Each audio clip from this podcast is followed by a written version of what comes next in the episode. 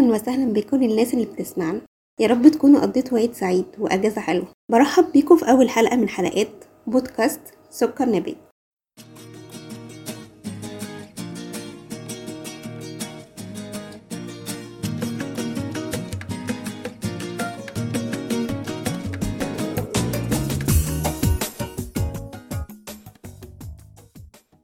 يا ترى ليه سكر نبات؟ وليه دلوقتي؟ وإيه اللي هيقدمه لنا سكر نبات؟ عشان نجاوب على الأسئلة ديت هدردش معاكم كده في شوية مصطلحات. ممكن نكون بنسمعها كتير لكن محتاجين نتعرف عليها أكتر. أول مصطلح من المصطلحات ديت هو المجتمع الذكوري. يعني إيه مجتمع ذكوري؟ وهل إحنا في مصر بنعيش في مجتمع ذكوري ولا لأ؟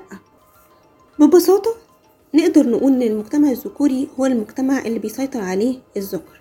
يعني بيتحكم في كل جوانب الحياة سواء سياسية أو اقتصادية أو اجتماعية وهو اللي بيحط القوانين والمعايير والمبادئ المجتمعية. يعني بيسيطر عليه وفي ثقافة الذكر. وفي دراسات اجتماعية قام بيها دارسين وباحثين اجتماعيين قالوا فيها إن مصر والدول العربية هي خير مثال للمجتمع الذكوري. وهقول لكم أمثلة بسيطة بتحصل معانا وحوالينا ممكن كمان نكون جزء منها زي مثلا بنشوف الأم بتفرح قد إيه لما بتعرف إنها حامل في ولد وإزاي العيلة بتعمل احتفالات لما المولود يجي ولد مش بنت.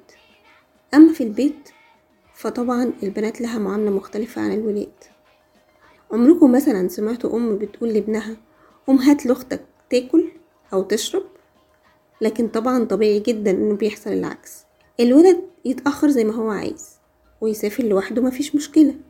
وكمان ساعات في بعض الأسر الولد بيتعلم والبنت لأ. زي الولد ماهيش كمالة عدد البنت زي الولد ماهيش كمالة عدد. في الاحتمال والجلد مذكورة في المعجزات. يا بنات البنات ألطف الكائنات. طب أنتوا عارفين إن رغم كل الجهود اللي اتعملت في السنوات الأخيرة عشان نوعي المجتمع بتعليم البنات إن نسبة الأمية عند البنات تلاتة وتلاتين ونص في المية مقابل إنها تمنتاشر ونص في المية عند الذكور أما في الشغل بقى في أماكن كتيرة بتشغل بنات لكن عشان مرتباتها أقل وأماكن تانية بترفض إن الستات تتولى مناصب إدارية عليا فيها السؤال بقى إيه سبب وجود المجتمع الذكوري؟ وإيه كمان سبب استمراره؟ سبب وجوده ده تاريخ ممكن نحكي ونتكلم عنه في الحلقات الجاية إن شاء الله. أما بقى سبب استمراره فهو للأسف هو الستات. خليني أسألكوا سؤال. هو مين اللي بيربي؟ مش الأم؟ الأم هي اللي بتربي ابنها إن هو أحسن من أخته لمجرد إن هو ولد وإن البنت أقل من أخوها لمجرد إنها بنت.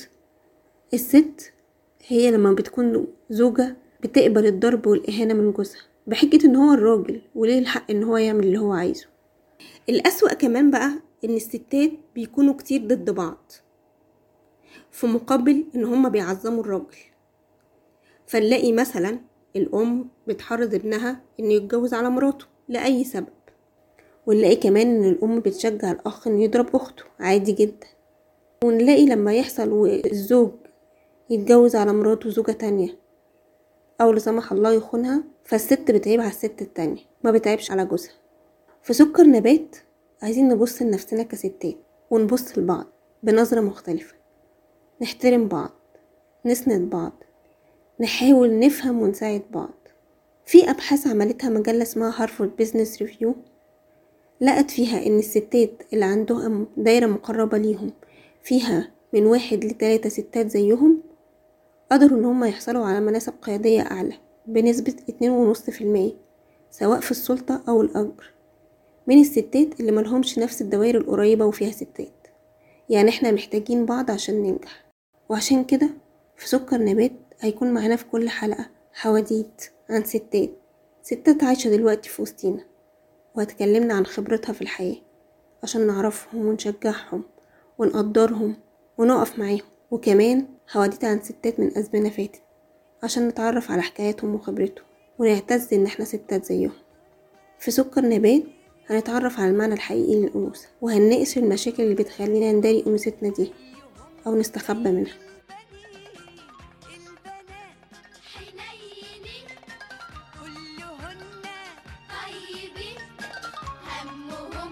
خدمة بلدهم زيهم.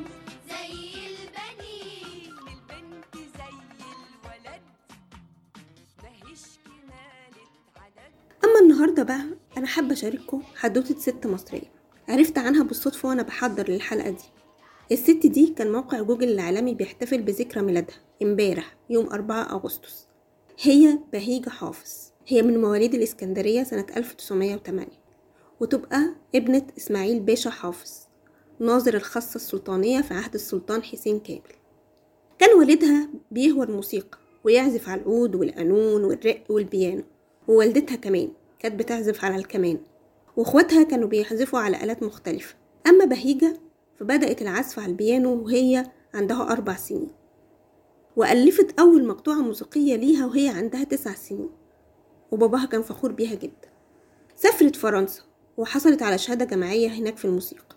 كانت صاحبة أول أسطوانة ظهرت في السوق المصري وده كان سنة 1926 وبعد كده زاعت شهرتها في عالم الموسيقى. وتصدرت غلاف مجلة المستقبل وكتب تحت صورتها أول مؤلفة موسيقية مصرية وده كانت سنة 1930 وصورة الغلاف ديت هي كانت البداية ليها لدخول عالم السينما عشان شافها المخرج محمد كريم ورشحها لبطولة فيلمه زينب وقامت ببطولة الفيلم دوت قدام يوسف بيك وهبة وكمان عملت الموسيقى التصويرية بتاعت الفيلم ده. بهيجة حافظ كانت أول مصرية تقبل عضويتها في جمعية المؤلفين بباريس وفي عام 1932 أسست شركة إنتاج سينمائي وسمتها الفنار الشركة دي عملت عدد من الأفلام كان من ضمنها فيلم اسمه ليلى بنت الصحراء وده كان أول فيلم عربي يعرض في مهرجان برلين الدولي. ومش بس كده ده كمان خد جايزة ذهبية.